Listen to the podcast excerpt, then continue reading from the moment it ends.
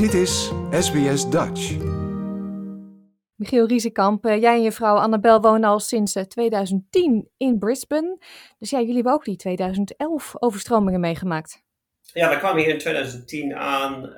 Wisten nog niet zo heel veel van, uh, van Brisbane.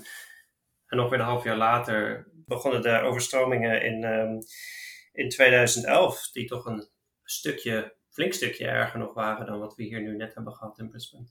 Mm Ja, kan je die twee vergelijken met elkaar? Ja, zeker. Um, ehm, 2011 was een, eigenlijk een heel ander soort weersysteem en, een, en als gevolg ook wel een ander soort vlak. Hoewel voor, voor de meeste mensen ziet het er natuurlijk vergelijkbaar uit. Maar in 2011 was het al maandenlang heel erg nat. In een grote omgeving rondom Brisbane was al veel water. De, de dammen die waren in oktober en november uh, aan het einde van 2010 waren die al vol. Um, en hebben toen al water uh, eruit moeten laten lopen.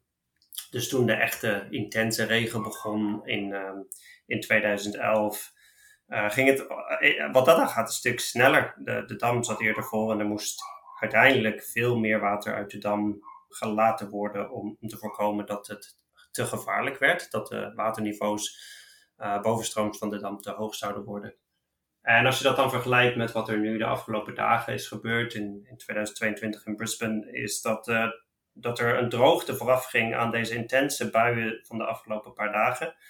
Uh, Somerset, een van de twee grote dammen stroomopwaarts van Brisbane, was redelijk vol, ongeveer 80%. Wat zo vol is als ze het graag willen hebben in verband met uh, voorziening van drinkwater. Maar Wivenhoe, de grootste dam hier in de buurt, die zat net boven de 55%. Dat wil zeggen dat er nog heel veel ruimte was om extra water op te slaan. En dat is een geluk bij een ongeluk gebleken, want dat betekent dat ze veel meer hebben kunnen tegenhouden dan anders het geval zou zijn geweest. Hmm, maar nou hoorde ik de premier zeggen dat er 80% van wat er normaal in een jaar valt in drie dagen naar beneden is gekomen. Kan zo'n dam dat dan wel aan? Nou, dat hangt er heel erg vanaf hoe vol die is voordat die regen eraan komt. En als je dezelfde hoeveelheid regen loslaat op een catchment, dus op een watervanggebied waar de dam al vol is, dan is de uitkomst behoorlijk anders. In dit geval eindigde Wivenhoe bijna helemaal vol. En met eindigen bedoel ik rond de hoogste piek in de stad, wat ongeveer gisterochtend was, geloof ik, of eergisterochtend inmiddels, um, was Wivenhoe rond de 190% Nou, vanaf 200% wordt het een stukje lastiger, want dan moeten meer van de deuren open om te voorkomen dat het te gevaarlijk wordt voor de dam. Dus in die zin kan je zeggen dat Wivenhoe zoveel heeft tegengehouden als het kon tegenhouden. En het gevolg daarvan is dat de overstroming een heel stuk minder erg is geworden dan het had kunnen zijn. Mm-hmm. Het meeste water dat we de afgelopen dagen door Brisbane hebben zien gaan, dat is eigenlijk gekomen uit de Lockyer en de Bremer systemen. Dus dat is, uh, is voornamelijk rondom Ipswich.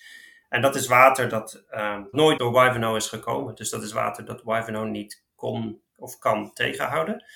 En het gunstige toeval hier is dus dat Wivenhoe heel veel heeft kunnen tegenhouden en heeft voorkomen dat het, dat het vanuit twee kanten naar Brisbane kwam. En nu uiteindelijk maar van één kant kwam. Mm-hmm. Ja, neem niet weg dat het leed wel enorm is natuurlijk. Eh, tienduizenden ja. huishoudens uh, die zitten in het water uh, zonder stroom. Um, in 2011 is natuurlijk na die overstroming gezegd: we gaan allemaal dingen veranderen, aanpassen om zo'n dergelijke ramp te voorkomen in de toekomst. Ehm, is er veel aangepast?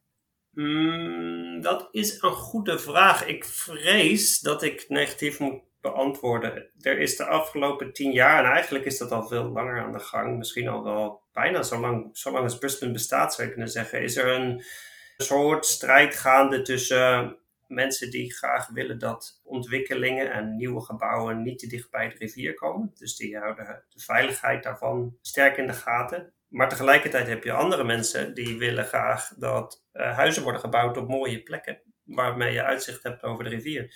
En die twee zijn conflicting. Uh, dus dat wil zeggen dat je mooie, mooie huizen hebt, mooie appartementen die waarschijnlijk ook heel prijzig zijn om aan te schaffen, maar tegelijkertijd eigenlijk niet ideaal zijn um, als het gaat om, om het risico op overstroming. En de afgelopen tien jaar is dat helaas doorgegaan. Er zijn nog weer meer huizen bijgekomen op plaatsen die mogelijk uh, zouden kunnen overstromen. Nou denk ik eerlijk gezegd niet dat heel veel nieuwe huizen, en dit, dit weet ik niet zeker hoor, dus het zou kunnen dat ik ongelijk heb hier. Maar ik denk dat er de afgelopen tien jaar niet enorm veel is gebouwd in gebieden die op het moment onder water staan. Want hoe, hoe groot deze overstroming ook is, het is toch wel een flink stukje kleiner en minder erg dan in 2011. Dus hoewel er veel huizen onder water staan, denk ik dat de meeste van die huizen ook in 2011 al bestonden en niet sindsdien zijn gebouwd. Mhm. En het zijn ook wel andere delen nu, toch? Wat nu onder water ja, staat. Ja, het zijn deels andere delen. Ik denk dat de meeste delen die nu onder water staan ook wel in 2011 onder water stonden. Ik weet niet zo heel goed uh, hoe het zeg, een stukje verder buiten Brisbane is gegaan. Ik heb vooral gefocust de afgelopen week op Brisbane en de Bremer en de Lockyer. Dus het systeem in de buurt van Wivenhoe, om het maar zo te zeggen. Omdat het een stuk minder erg is, dus um, water in de rivier is tussen een halve meter en een paar meter lager dan in 2011 denk ik dat, zoals ik al eerder zei, dat de meeste huizen die nu onder water stonden ook wel in 2011 onder water stonden. Maar andersom kan je zeker niet hetzelfde zeggen. Toen waren er duizenden huizen die water hadden boven hun vloerniveau. En nu zijn het denk ik een paar honderd huizen die nat zijn, om het zo maar te zeggen. Dus boven, boven vloerniveau. En dan, zoals jij, al zei, die, die duizenden of misschien tienduizenden huizen die zijn wel op een manier aangedaan door het water, maar niet per se dat het water boven je vloeroppervlakte komt, maar meer dat er water staat in de tuin of dat je geen power hebt, geen stroom, geen elektriciteit. Mm Ja, mensen zullen misschien denken, hé, hey, die Michiel, uh, wat weet hij hier veel van? maar dat heb ik natuurlijk helemaal niet genoemd. Jij bent floodwater engineer. Ja, ja, klopt. Ja, sinds ik hier ben, zo ongeveer 12 jaar, werk ik als, uh, als ingenieur hier in Australië met, uh, met een focus op overstromingsrisico. Ja, dus dat betekent hele drukke dagen nu. Ja, absoluut. En um, niet alleen nu, het, het, is deels druk, gewoon vanuit een soort van persoonlijk professioneel interesse. Dus ik heb goed in de gaten gehouden wat er de afgelopen dagen is gebeurd. Deels ook omdat mijn huis in de, de buurt staat van de rivier. Helaas niet met uitzicht op, maar dat is misschien maar goed ook, want het, is net ver genoeg om, droog te zijn. Maar deels ook omdat ik in de gaten wil houden hoe het met mijn collega's gaat. Uh, of, of, die misschien op tijd uh, weg moeten of dat die kunnen blijven. En verder proberen zoveel mogelijk mensen hier de afgelopen dagen te helpen evacueren. En dat is deels gelukt, maar als ik om me heen kijk, dan, dan zie ik ook dat er nog heel veel verloren is gegaan. Ja, want hoe is de situatie nu bij jullie rondom het huis? Uh, nou, mijn, mijn, directe huis is een natte boel, maar niet, uh, niet echt problematisch. Als ik iets verder kijk, delen van mijn straat, dus ik woon aan de zuidkant van de stad, delen van de straat staat misschien anderhalve meter water. En er zijn toch meerdere huizen waar uh, heel veel schade is. Dat, uh, misschien wel een meter of meer aan water in, in het huis. Afgelopen zaterdag hebben mijn vrouw en ik en, en, en mijn jonge kinderen geprobeerd te helpen met het evacueren van een paar huizen. En ik denk dat we daar meer hadden moeten doen dan we gedaan hebben. Want uh, dus niet alleen zij, maar ook de buren zijn ongeveer tot aan het dak onder water gekomen. En um, we hebben het meeste hebben we eruit kunnen halen, maar sommige grote zware dingen hebben we laten staan. Ik denk achteraf, als we hadden geweten wat er precies zou gebeuren, dan hadden we nog meer moeite gedaan om ook de zware dingen eruit het huis te halen. Want ik vrees dat het allemaal verloren is. Uh, de komende dagen zal dat langzaam nou ja, afnemen. En met het bedoel ik de waterniveaus het is nu al een meter ongeveer lager dan het was op de piek. En dat zal de komende dagen steeds verder zakken. Maar afhankelijk van waar je bent, kan het nog een paar dagen duren voordat het water echt terug is. Mm -hmm. ja. Zijn die uh, mensen bij jullie in de buurt allemaal uh, veilig? Ja, ja, dat wel. Het, het, het, voordeel van waar ik zit is dat het water niet zo snel stroomt. Dus het is niet een heel groot, over, of een heel, heel groot risico met betrekking tot het uh, verdrinkingsrisico. Bedoel ik ermee, is niet zo heel groot. Het is natuurlijk gevaarlijk, maar niet zo gevaarlijk als uh, waar het helaas veel misgaat. En dat is met mensen die rijden en dan uh, door water gaan dat niet alleen diep is, maar ook nog eens snel stroomt. En dan is het heel snel heel gevaarlijk en heel moeilijk om uit dood te komen. Mm -hmm. Is het nou als dit dan weer voorbij is, ga jij uh, als engineer dan weer kijken van oké, okay, waar ging het nu fout en hoe kunnen we dat dan aanpassen? Werkt dat zo?